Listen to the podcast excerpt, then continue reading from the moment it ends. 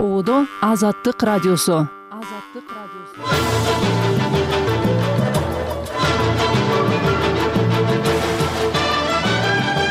Бийликтин жигердүү колдоочусу экени айтылган жарандын алдамчылыкка шектелип кармалышы өкмөтчүл активисттердин жоопкерчилиги тууралуу маселени күн тартибине чыгарды.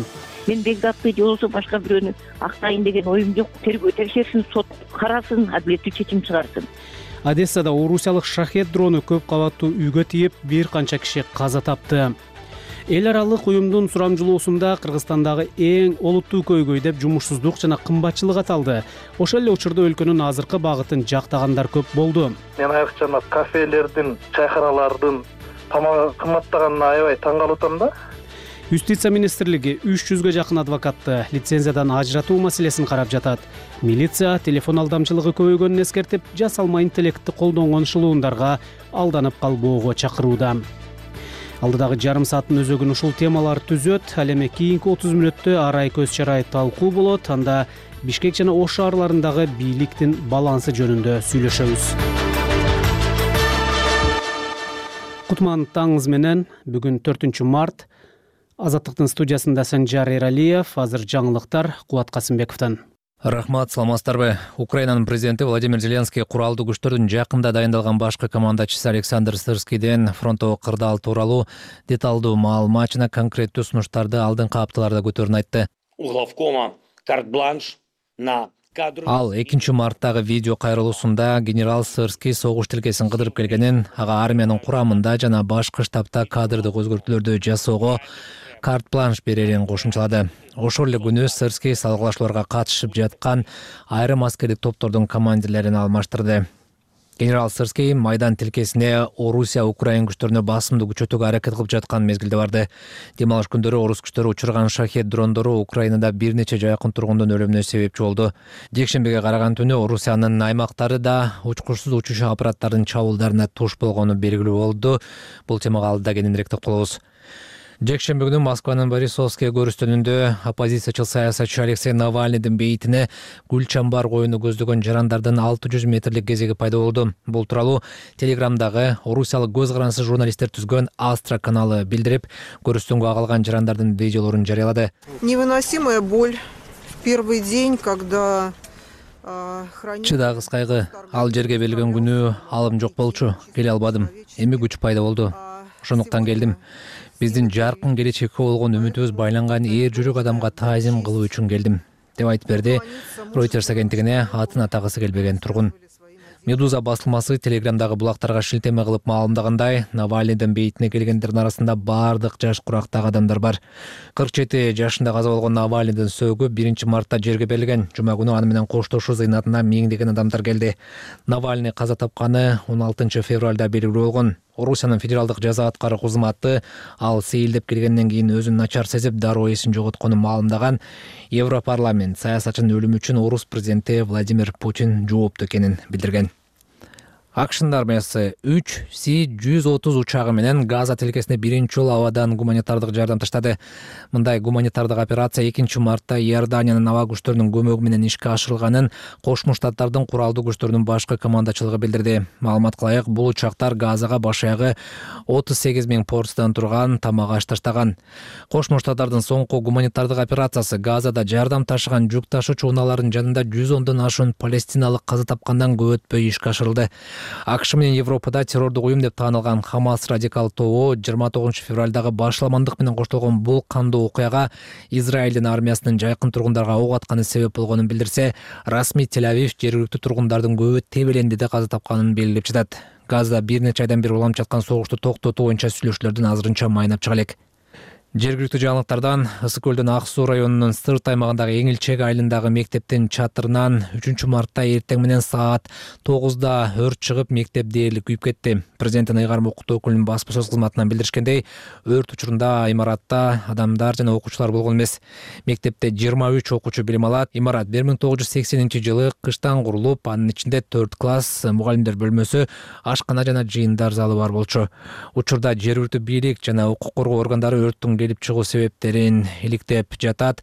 Окууну өзгөртүүгө учуратпоо максатында мындан ары балдар айыл өкмөттүн имаратында убактылуу билим алышат деп маалымдашты облустук бийлик өкүлдөрү бишкектин ленин райондук соту жогорку кеңештин депутаттыгына талапкер дамира ниязалиевага байланыштуу кылмыш ишти карап өкүм чыгарганы белгилүү болду. Бишкек шаардык сотунан экинчи мартта билдиришкендей ниязалиеваны кошкондо алты киши кылмыш кодексинин добуш сатып алуу беренеси боюнча айыптуу деп табылып үч жылга эркинен ажыратылды. Бирок аларга карата мунапыс колдонулуп эркиндиктен ажыратуу түрүндөгү жоопкерчиликтен бошотулду.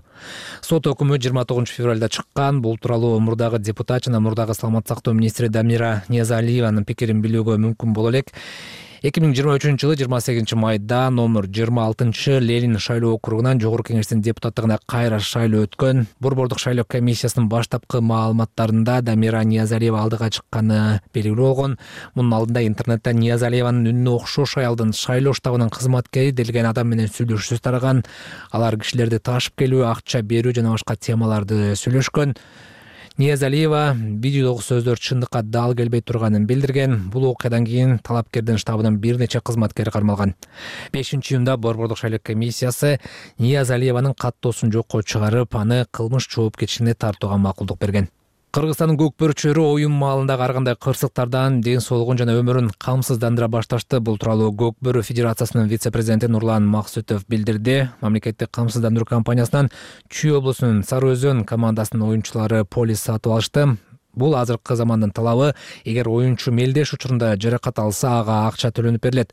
Ар бир команда камсыздандыруудан өтүшү керек. Эми мындан ары полис албагандар мелдештерге катыша албайт деди максүтов анын айтымында көк бөрүчүлөр үчүн полистин эң төмөнкү баасы эки миң сегиз жүз сом ал эми камсыздандыруу төлөмүнүн суммасы эки жүз миң сомго чейин жетет. Буга чейин да улакчылар көк бөрү оюну маалында катуу жаракат алып ооруканага түшүп айрымдары майып болуп калган учурлар катталган кубат касымбеков айтып берген бул жана башка кабарлардын толук топтому сайтыбызда дареги азаттык чекит орг ошондой эле социалдык түйүндөгү баракчаларыбыздан окусаңыз болот.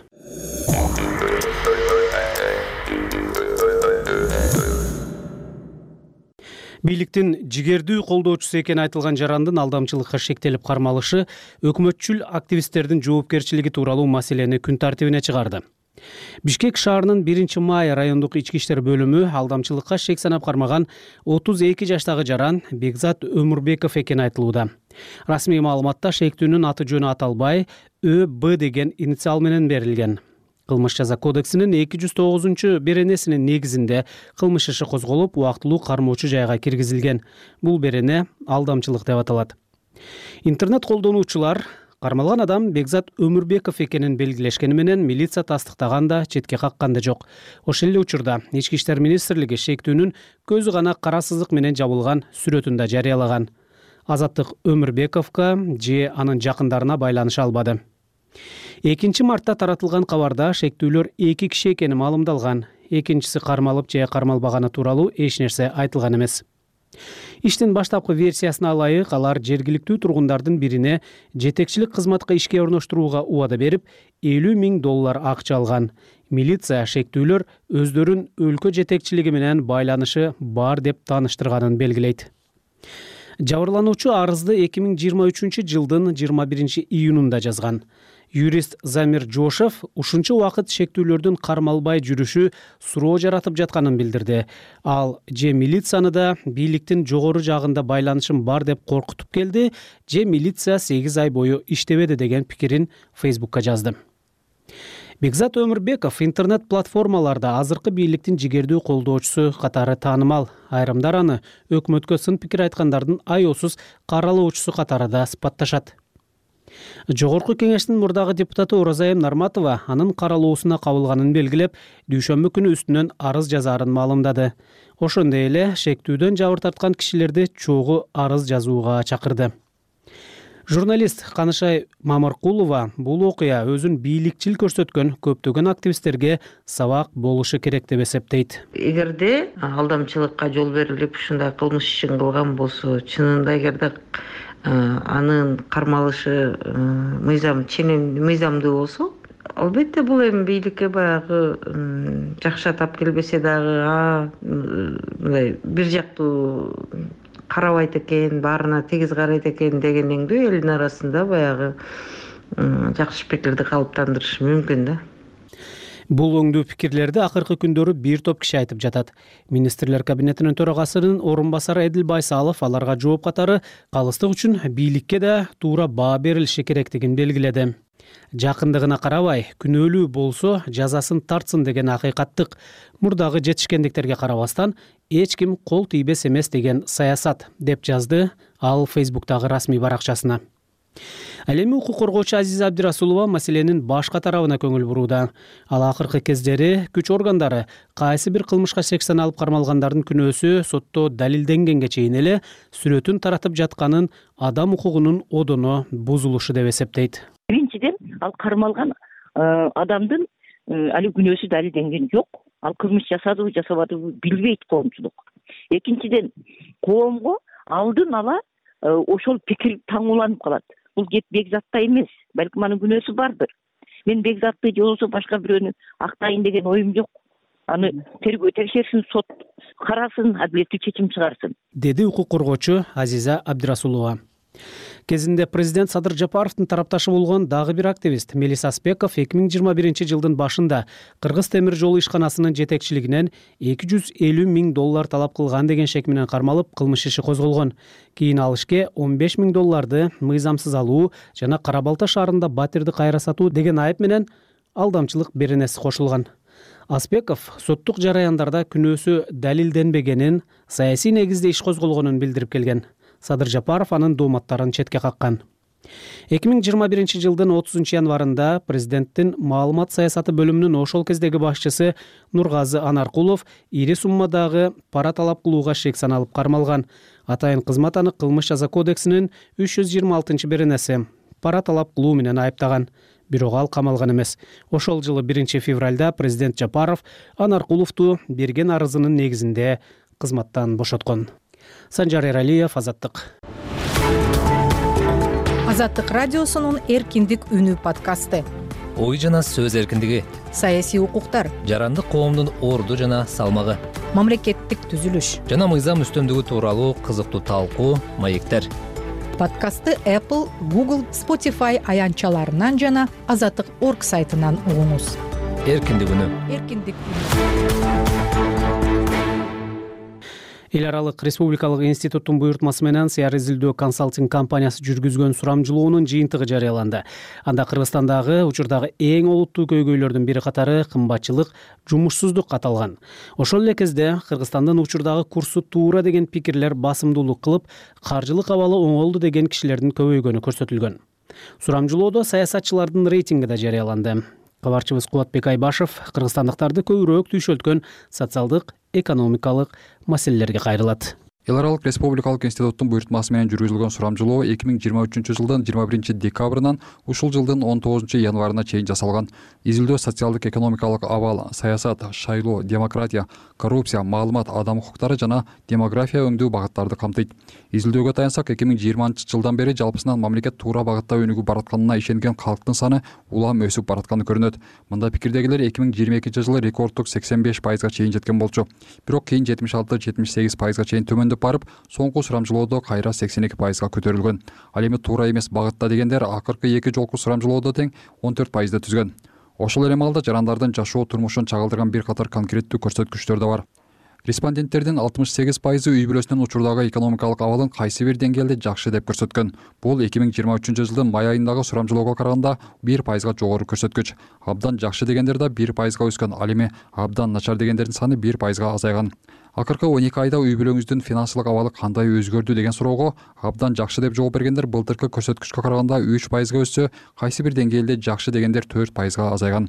Ал эми ошол эле бойдон калды жана кайсы бир деңгээлде начарлады дегендерге бир пайыздан кошулган.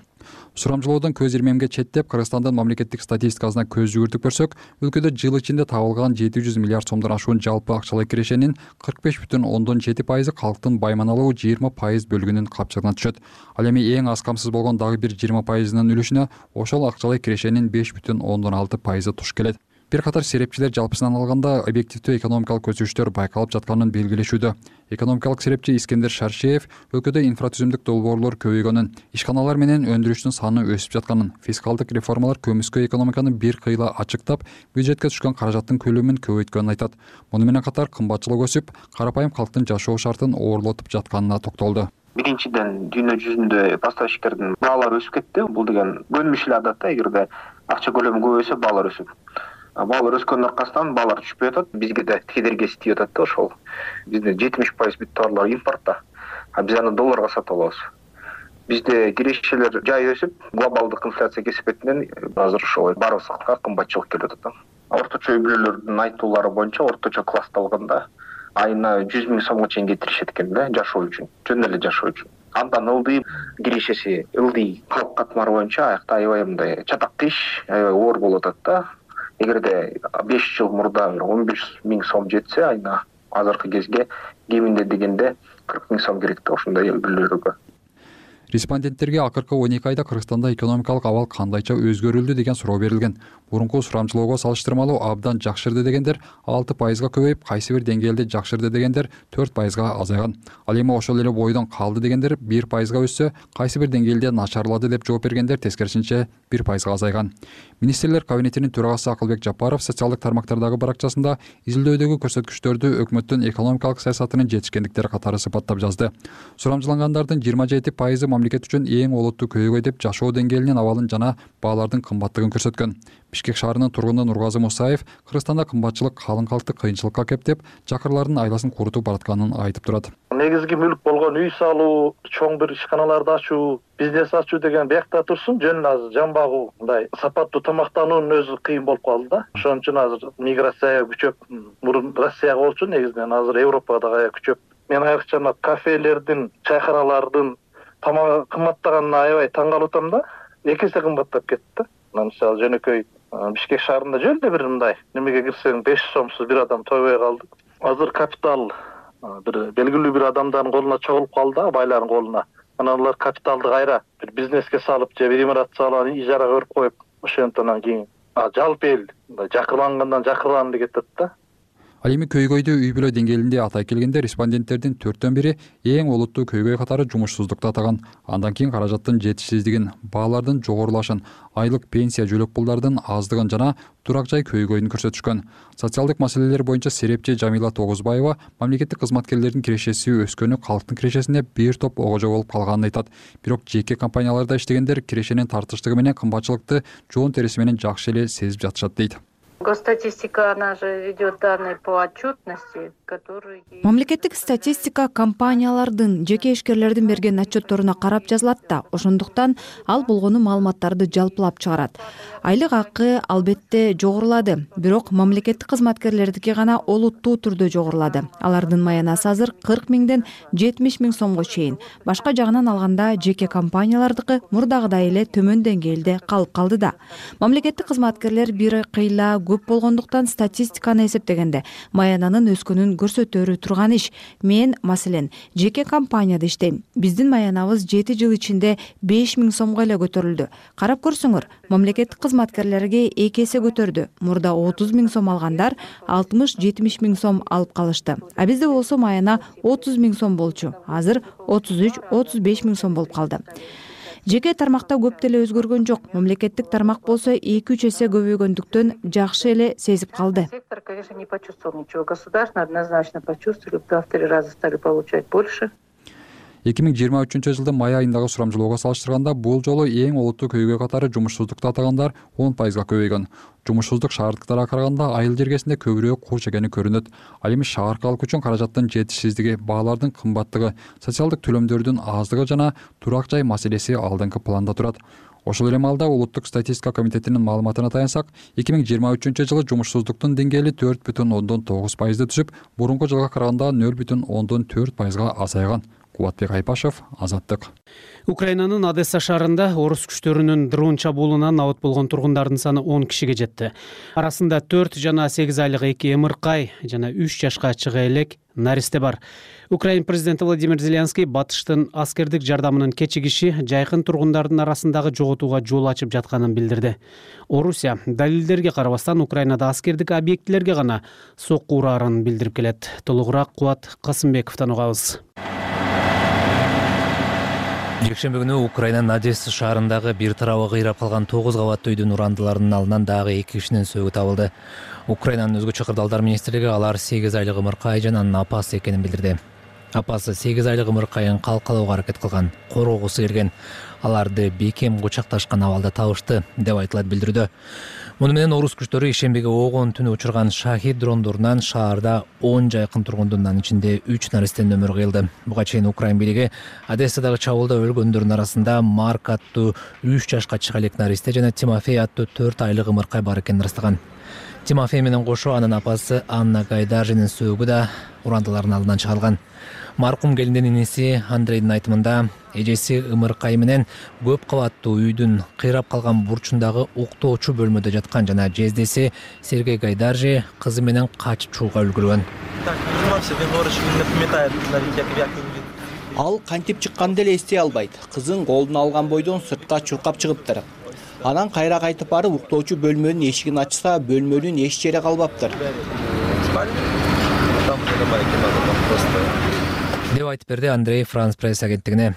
Украин президентинин балдар укугу боюнча мурдагы атайын өкүлү николай кулеба анна гайдаржинин ымыркай менен түшкөн сүрөтүн жарыялап энесинин койнунда тынч уктап жаткан төрт айлык ымыркайдын сөөгү табылды деп жазды шаар бийлигинин маалыматы боюнча чабуулдан тогуз кабаттуу үйдөгү он сегиз батир толугу менен кыйрап жети батирге зыян келген. Бул чабуулдан кийин жекшембиде одесса облусунда жана одесса шаарында аза күтүү күнү жарыяланды жергиликтүү бийлик урандылардын алдында дагы бир нече адамдын сөөгү болушу мүмкүн деп болжоп жатат одессадан тышкары орус күчтөрүнүн экинчи марттагы дрон чабуулдарынан харьков жана николаев шаарларында үч кишинин өмүрү кыйылды орусия украинадагы жайкын тургундардын өлүмү тууралуу үн каткан жок. Орус бийлиги далилдерге карабастан украинада аскердик объектилерди гана бутагаларын билдирип келет.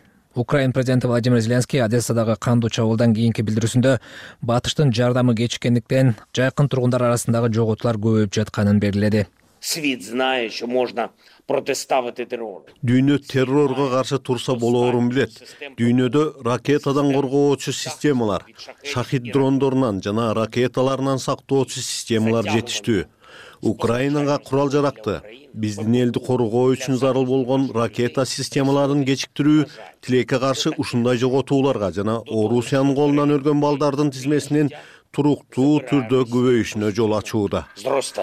Украина не просила ничего больше. Деген зеленский украина батыштан адам өмүрлөрүн сактоо үчүн зарыл болгон гана аскердик жардамды сурап жатканын жайкын тургундардын өмүрү кыйылып жаткан маалда украинанын өнөктөштөрү ички саясий оюндар жана талкуулар менен алектенип жатканын белгиледи. Ошондой эле украинанын коргонуу жөндөмүн аксаткан бул аракеттерди унутуу мүмкүн эмес.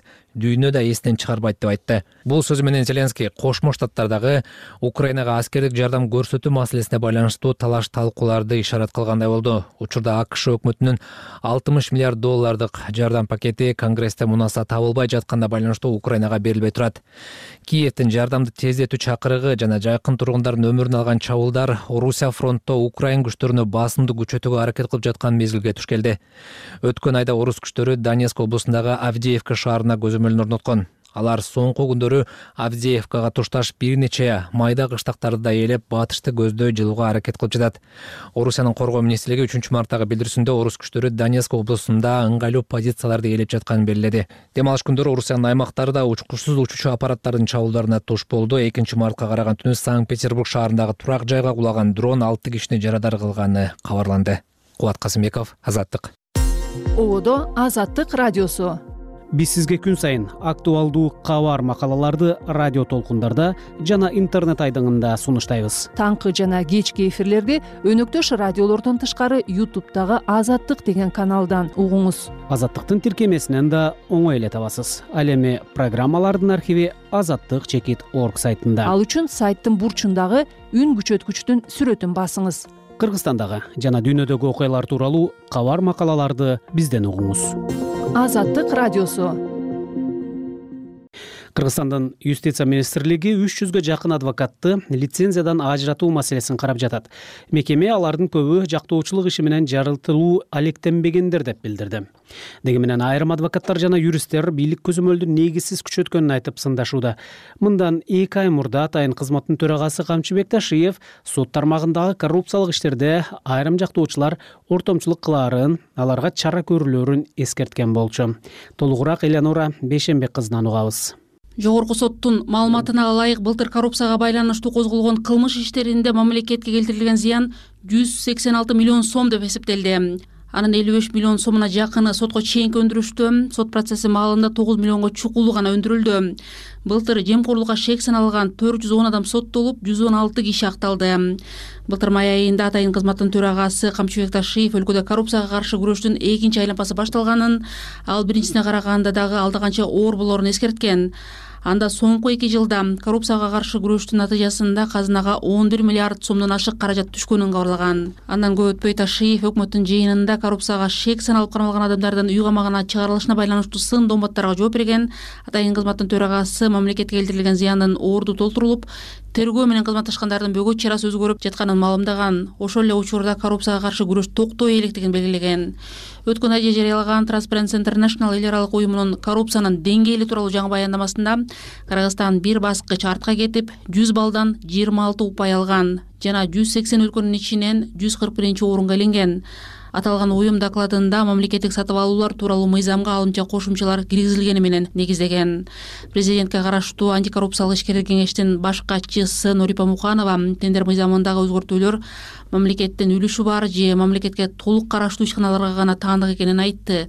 Калган мамлекеттик мекеме уюмдарда тендер өткөрүлөрүн андагы мыйзам бузуулар тыйыла электигин белгиледи. Толуктоолор кирген э, мыйзам бул деген жана акционерное общество государственной доли анан гос предприятиялар бар да ошолорго эле тиешелүү порталдан эмес из одного источника. То есть заводдордон прямой контракт кылып алганга э, шарт түзүлүп берди. А калган бүт мамлекеттик органдар баары портал менен эле мурункудай эле сатып алат. Э, единственное мурун он бир этап болсо азыркы жаңы мыйзам менен ошо этаптары кыскартылган да кичинечи анан ушул тендер боюнча мурун деле аябай эле көп нарушениялар болуп эле иш козголуп эле э, кайта бюджетке кайтарып эле ошондой бар болчу да азыр деле вот счетный палата эң акыркы отчетту карасаңар чоң чоң ири суммаларга туура эмес сатып алынды туура эмес колдонулду депчи. Өткөн айда башкы прокурор курманкул зулушев басма сөз жыйынында коррупцияны жоюуга байланыштуу иштер тууралуу дагы маалымат берген. Анда эки миң жыйырма үчүнчү жылы сегиз миңге чукул текшерүү жүрүп жыйырма миңдей мыйзам бузуу аныкталды деп кабарлаган миңдеген адам кызматтык административдик жоопкерчиликке тартылганын айтып мамлекеттин пайдасына жети жүз кырк миллион сом акчалай он бир миллиард сомдон ашык каражат натуралай өндүрүлгөнү белгилүү болгон дегени менен журналист адил турдукуловдун пикиринде коррупцияга каршы күрөшүүнүн туруктуу системасы калыптана элек коррупцияга күрөшүү таза эл ишенген укуктук системага байланыштуу да. Андай система дагы деле орново элек деген ойдомун мурункудай эле биринчиден соттор көз каранды ак үйдүн тапшырмаларына экинчиден укук коргоо органдары прокуратура ички иштер министрлиги дагы алар көбүн эсе ошол саясий негизде куугунтукту жүргүзүп жатканын да көрүп жатабыз. Ошондуктан бул жерде мындай радикалдуу бир коррупция менен башталды дегенге да ынанбайм да. Анан дагы жанагы transparency international сыяктуу абдан мындай эң авторитеттүү делген эл аралык уюмдар дагы бизди мындай алдыга озуп кетип ошол эң бир адилеттүү мамлекет болду дегенден да алыс жыйынтыктарды чыгарып жатат да. Жогорку кеңештин мурдагы депутаты бейшенбек абдыразаков коррупцияга каршы күрөштө жылыштар бар деп эсептегени менен жемкорлук санариптештирүү автоматташтыруу жараянына толук киргенде гана азая баштаарын айтты. Органда иштеген кызматкерлер деле мамлекеттик чиновниктер деле күнүгө эле кармалып атат да. Көнгөн адат калабы уйга жүгөн салабы деген ошо уланткандар көп. Азыр жанагы цифровизация деп электронный жака тармакка өтсө эми ошондо токтойт болуш керек. Былтыр ноябрда президент садыр жапаров өлкөдө коррупция токсон пайыз жоюлуп жемкорлуктан түшкөн каражат менен бюджет көбөйүп жатканын билдирген. Бирок жемкорлуктун деңгээли кандай кантип аныкталганын тактаган эмес. Элеонора бейшенбек кызы азаттык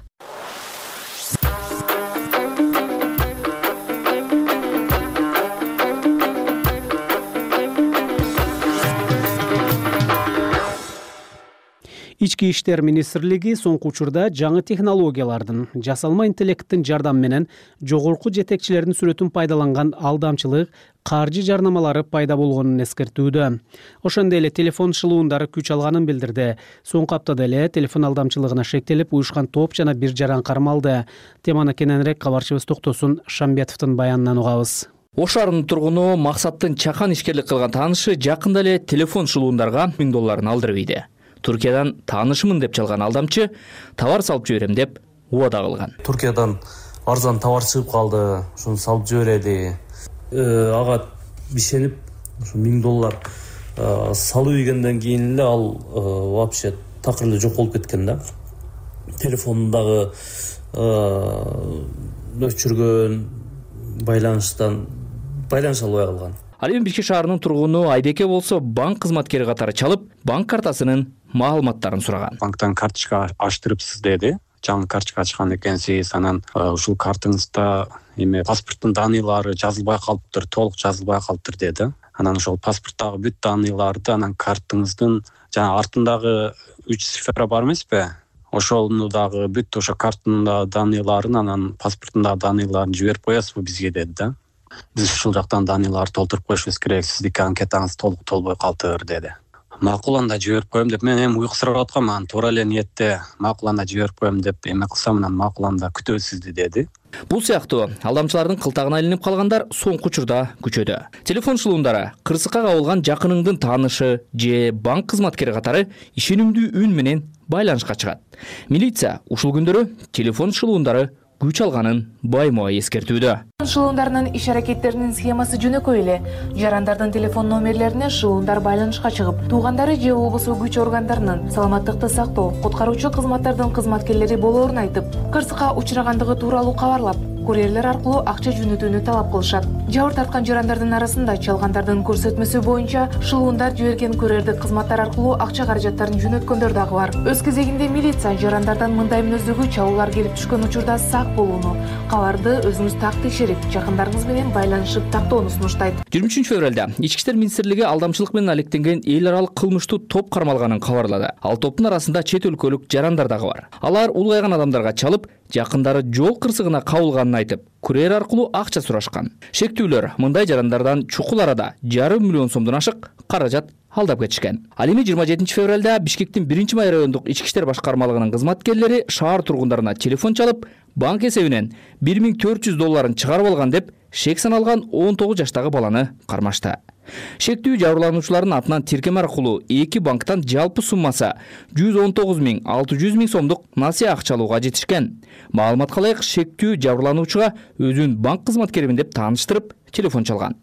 Жогорку кеңештин депутаты дастан бекешов соңку учурда телефон шылуундары күч алып жаңы технологияны колдонуп жарандардын үнүн жасап акча алгандар жөнүндө айтып чыкты алдамчылар жөн отурган жок. Жасалма интеллектти дагы колдонуп жатышат. Схема мындай иштейт.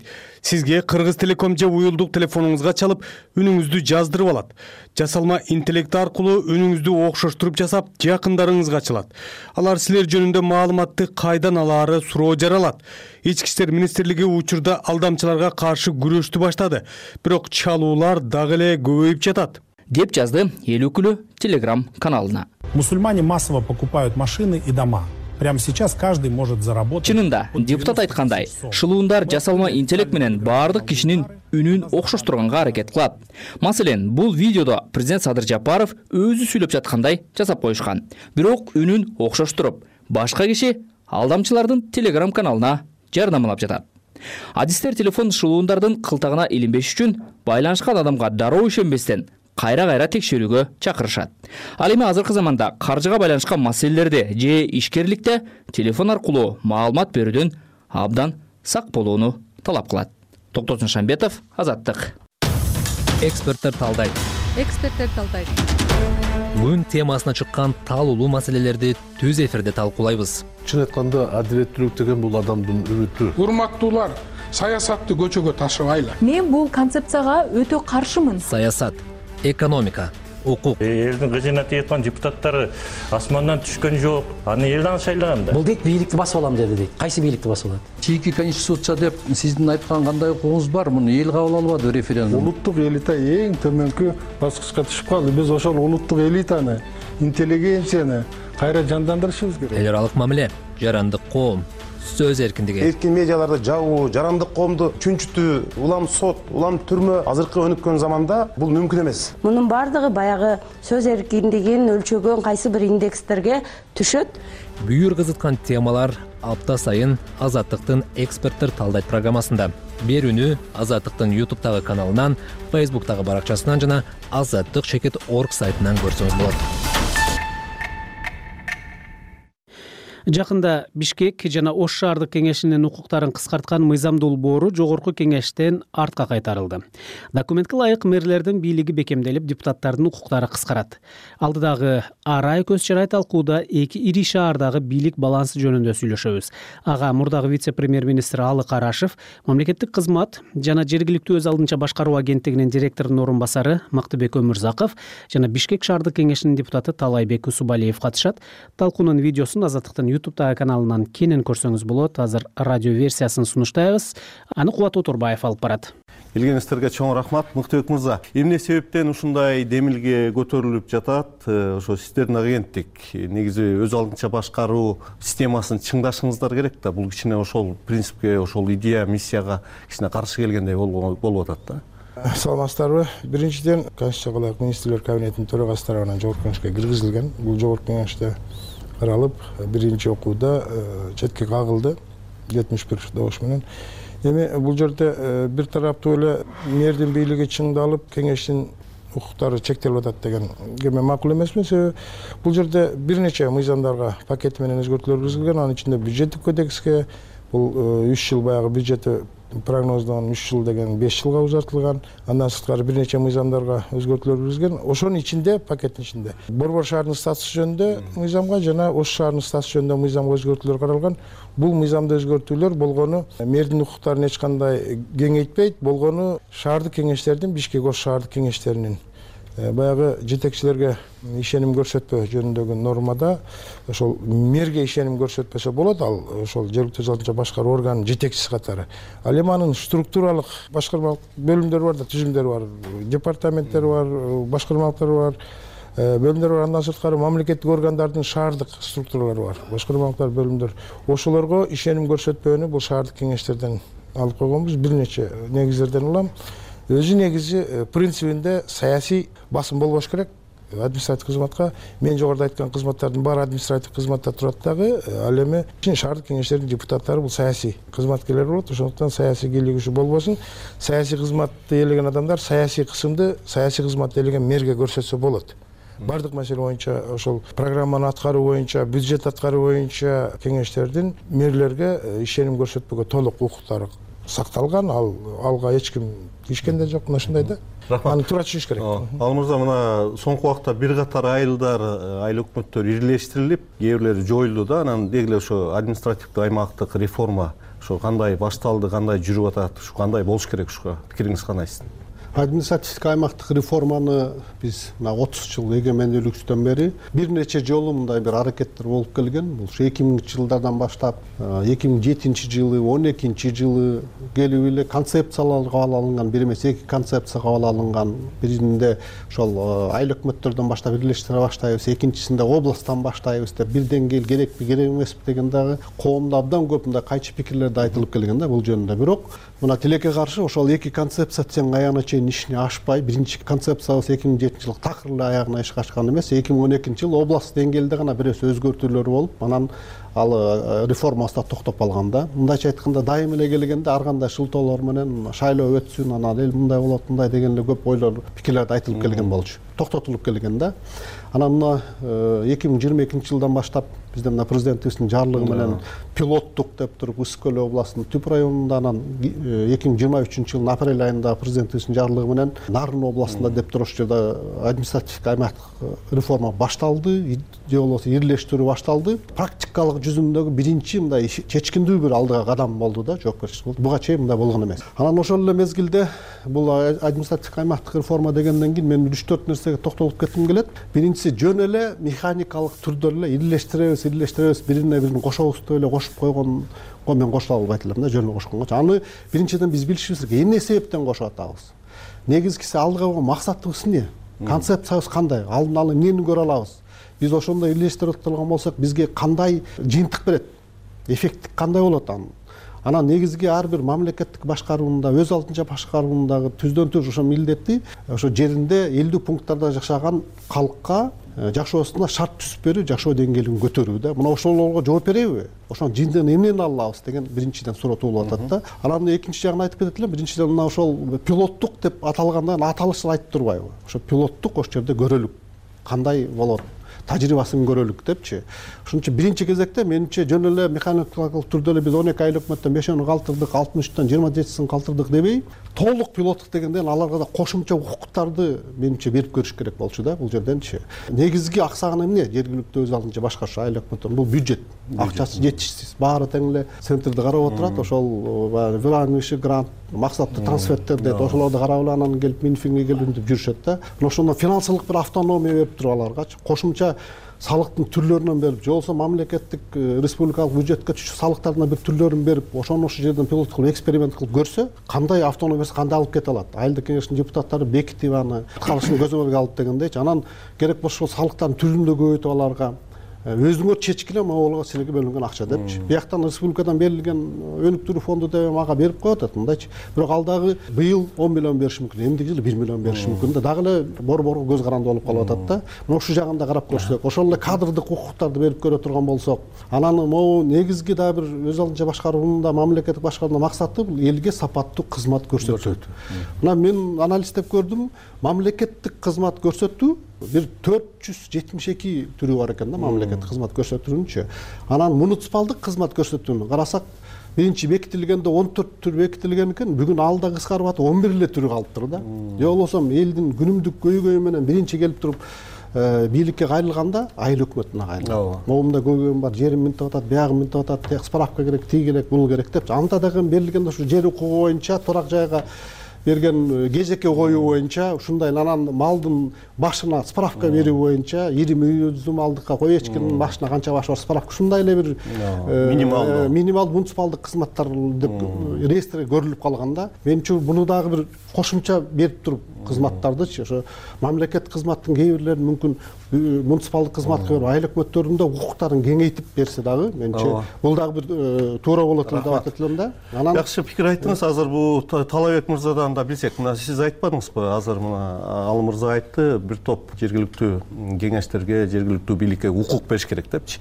Бишкектин мисалында мына талабек мырза тескерисинче мына акыркы демилге боюнча бишкек шаардык кеңешинин э, бир топ укуктары кыскарып атат ошонун ичинде жана бюджетти кароо бюджетти бекитүү мына ушуну сиздер кандай кабыл алдыңыздар анан мэрия э, сиздер менен кеңештип эле депутаттар менен кырктан ашуун депутаттар барсыздарбы кырк беш э? Кырк беш ооба. Саламатсыздарбы? Биринчиден экинчиден э, мен закон о местном самоуправлении бар го гамсм ошого токтолуп кетсем да бул негизи өзүн өзүнчө башкаруу боюнча эң негизги мыйзам да.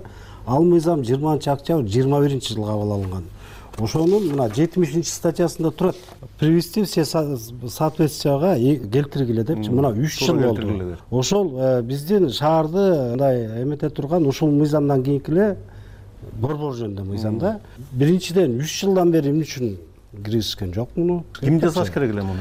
Өкмөт жасаш керек болчу да өкмөт киргизбей мына үч жыл болду кармап турушат да. Анан андан кийин эле ошо былтыр где то июнь айларында го дейм май айларында интернетке бир чыгып кетти шаардык кеңештин э, полномочияларын баары кесилип атканычы анан кийин э, ал кезде мэр абдыкадыров болчу анан биз чогуу бир рабочий комиссия түздүк. Рабочий комиссия түзүп эки үч ай бир нече жолу заседание болду мэрия тараптан жана совместный. Анан кийин биздин негизги спор биз көбүнө эле макул болдук хотя там тоже были мындай башкачараак туура эмес жактарычы биз макул болуп анан мына моу протокол турат менде протокол менен э, ноябрь айында гамсумого киргиздик. Киргизип согласованный вариант кылып он бешинчи статьядагы шаардык кеңештин полномочияларын калтырсын деп анан ошол эркинтип киргизгенден кийин дагы жатты. Мына быйыл ноябрь болду бир жылдайчы уже үч жыл болгондон кийин киргенден кийин эле карасак эле баягы жогорку кеңешке барганда карасак эле бизди да катышкыла деди. Карасак эле закон о столице боюнча сегиз полномочиябыз бар ошонун бешөөнү кесип иштеп атыптыр алар эмне полномочиялар? Бул биринчиден жанагы вице мэрлерге жанагы структурный подразделенияларга ушуларга эме көргөзбө ишеним көргөзүү ишеним көргөзүү боюнчачы. Анан кийин биз эмне үчүн биз ушуну калтыргыла деп атканбыз да. Себеби деген бишкек шаары токмоктой же баткенде же нарындай кичинекей шаар эмес. Бул шаар бир жарым миллион эмеси бар. Борбор деген статусу бар. Бүт административдик зданиялар ушул жерде турган.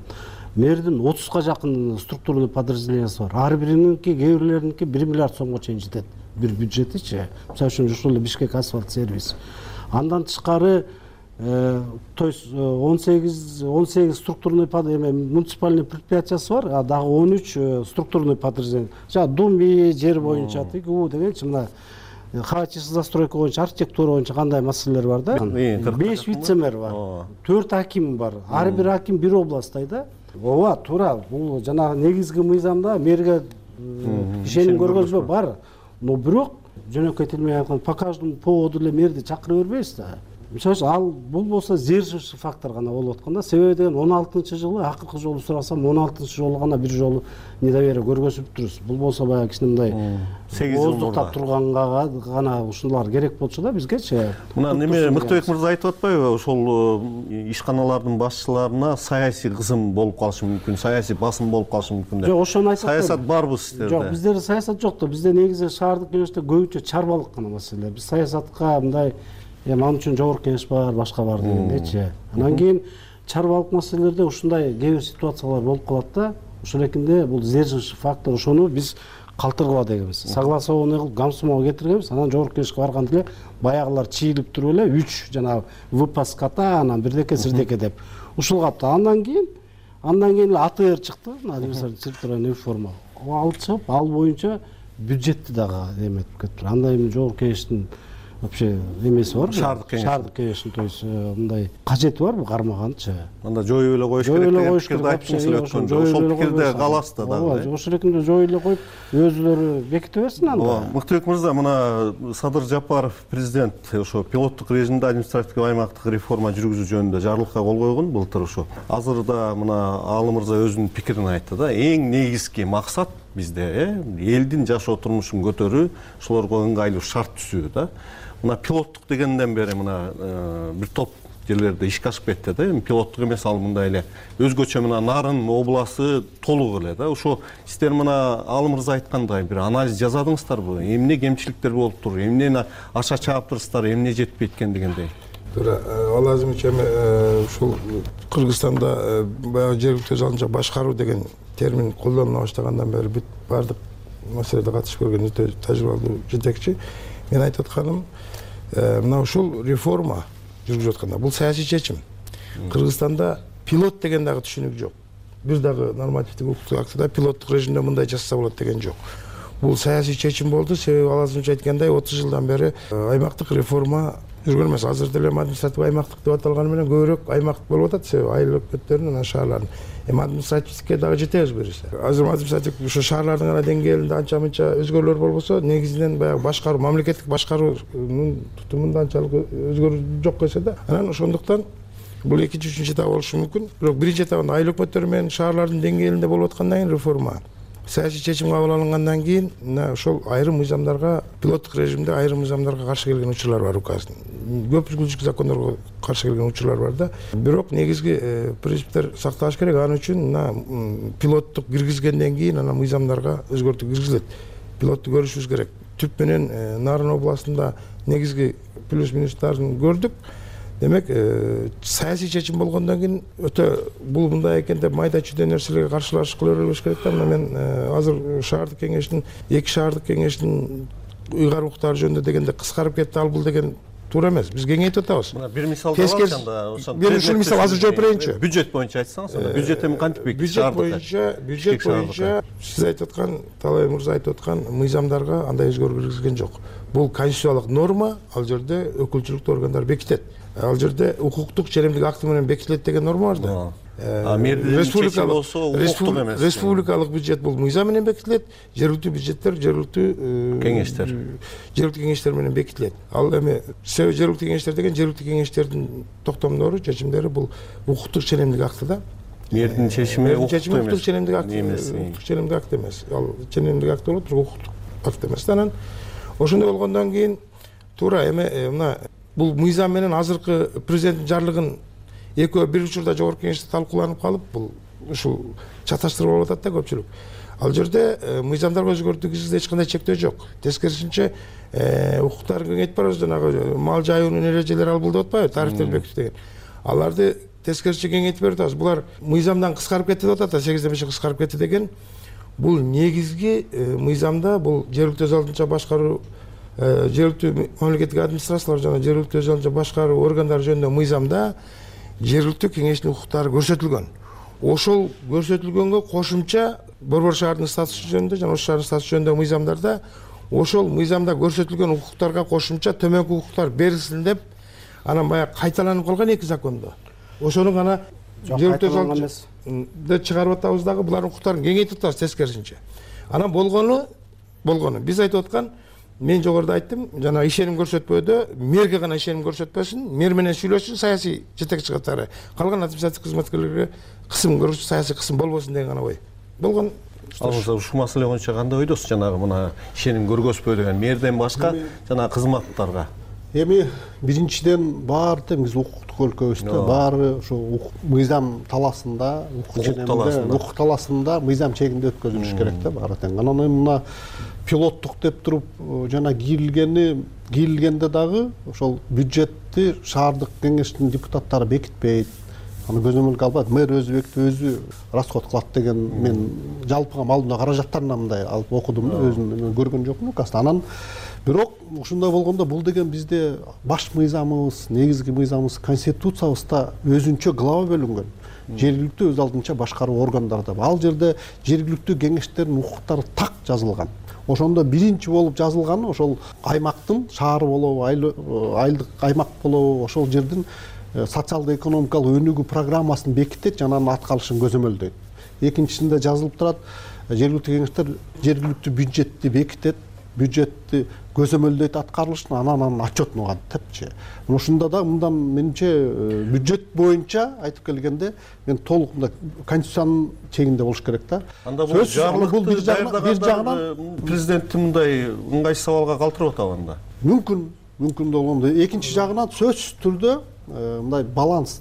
Орусча айтканда система сдержек противовесов дейт да. Сөзсүз түрдө бир мындай тең салмактоо тең салмактуулук сакталып туруш керек. Ооздукта тең салмакта. Анан сөзсүз түрдө ошондой талаш болгондо кайчы пикир болуп айтылганда анан алдыга жылуу болот да. Баарын тең бир жерде берилип калган болсо тактоо киргизип коеюн менимче кичине туура эмес болуп калат. Ал эми экинчи маселе мен айтып кетейин экинчи маселе жанагы кадрдык маселе боюнча бул дайыма эле мындай көп жерде ушундай айтылып келет да. Кадрдык маселе кадрдык маселе. Мына биз парламенттик башкаруу системасына өттүк деп эки миң онунчу жылдан бери эки мөөнөт аны да көрдүк мындай алып карагандачы. Ал жерден дагы келгенде эле бүт фракция фракциялар болуп бөлүнүп алып туруп депутаттар бул кызмат. Меники бул бир бураска калгандай да мындайчы. Бул бул биздики былай эле өкмөт бөлүштүргөндөй эле бөлүштүрбөдүбү бөлүштүрүп өттүк да башкысынан өттүк мен да мына өкмөттө иштегенде болчу ошондойчу келип туруп бир кызмат орун бошсо бир жыйырма киши жыйырма беш кишинин резюмеси келет анын бирөөнү эле дайындайсың да анан ушундай талаш болуп да жумушка да көп тоскоолдук болгон да мындай мезгилдечи ошол эле мезгилде чарбакерлик маселе боюнча мейли маселени чакырып анын отчетун угуп ага сунуштарды берип шаардык кеңештин депутаттары айтып мындай кылса болот. Ишенбөөчүлүгүнө мүмкүн мэр менен вице мэрлерин караса болот. Ал эми жанагы шаардын ичиндеги структуранын чарбакерчилик иш менен иштегендерге келгенде кээде дагы мындай айтышыбыз керек ачык аша чаап кеткен мезгилдер болуп атат да бир сураныч кылат мындай кыласың деп анысын аткара албай аткарбай коет. Же болбосо могу могу менин эме компаниям иштесин дейт же болбосо буга мени коюп бересиң бирөөнү дейт болбой калса мен буга ишенбөөчүлүк көрсөтөм анан давай тазалык сен кет кызматтан. Асфальт сервис сен кет дегенде дагы мындай да болушу мүмкүн да ал мырза бирок мындай өтө мындай жалпы эле ошол аймакка эмес атургай областка же жалпы республикага таасирин тие турган да бир маселелер болуп атпайбы. Мисалы мына кызыл омпол боюнча маселеде ушул жердеги жергиликтүү мыкты адамдарды шайлайбыз да биз кеңешке. Ошондой кеңештердин ушул жердеги мындай алдыңкы адамдардын пикирлери угулуш керекпи эми? Сөзсүз түрдө бул жерде биринчиден кандай гана кен байлыктар болбосун кайсыл аймактын чегинде боло турган болсо чек арасында боло турган болсо лицензиясын мейли борбордук бийлик берсин. Бирок жериндеги чечүүчү маселелер бар да. Аларга деген жерин бөлүп бериш керек. Аларга шарттарын түзүп бериш керек жеринде иштете турган болуп иштетип калган мезгилде дагычы мына ошону бөлүшүп атканда жергиликтүү кеңештин түздөн түз ошол жерге таасир эте алат жергиликтүү кеңештин депутаттары өздөрүнүн ойлорун айта алат бул жердечи менимче бул белгиленген тартип бар да ошонун чегинде кетет. Ошондой укуктар алынбайбы азыр? Жок жок алынбайт. Э? бул эми негизи э, алтын менен баалуу металлдардан башкасы алтын күмүштөн башкасы. Ошол лицензия алгандан баштап лицензияны кармап турган үчүн э, айыл өкмөттүн бюджетине акча төлөп туруш керек алар өзү. Лицензия алган компаниялар бирок кээ бир фактылар бар эми чынында айыл өкмөттөр айыл кеңештер болсо айыл өкмөттөр өздөрү билбей калган учурлар бар лицензиялар берип кеткен учурлар бар. Бирок бул нерсе эми мыйзамдык деңгээлде алганда проблема жок. Ошол жоболорунда деле көрсөтүлгөн айыл өкмөткө кабар бериш керек башка кылыш керек айыл өкмөт айыл кеңештин макулдугу менен болуш керек себеби жер берилип атат да. Ал жер биринчи лицензия мисалы үчүн баягы чалгындоого берилет. Анан чалгындоо канча жылга созулат деген маселелер бар да ал жерде. Анан түз эле барып казып кирбейт да ошон үчүн. Бул гуля кожокулова бизде юрист э, жогорку кеңештеги бир алдыңкы мындай сабаттуу деп коеюнчу депутаттардын бири ошол бүгүн маселе көтөрдү да ошо кызыл омполдо мисалы жергиликтүү кеңештин үнү угулбай калды деп. Ал эмне пикирди айтып атат? Мен чынын айтканда радиация боюнча. мен чынын айтканда бул боюнча маалыматым жок экен. Ушул акыркы суроом болсун кимиңиздер жооп бересиздер. Жана бишкек шаарында төрт райондун аталышы боюнча бул бири бирине эле мындай жүктөп атышат да. Шаардык кеңештин депутаттары айтып атат жогорку кеңеш өкмөт чечиш керек дейт. Өкмөт болсо айтып атат өкмөттүн өкүлүнөн жакында биз интервью алдык. Шаардык кеңеш эле өзү чечип койсо болот деп атат да. Жок ооба закон о столице боюнча бизге э, берилген э, именно наименование переименование административных районов деп биздин э, ыйгарым укугубуз бул бишкек деген өзүнчө бирдик эмес.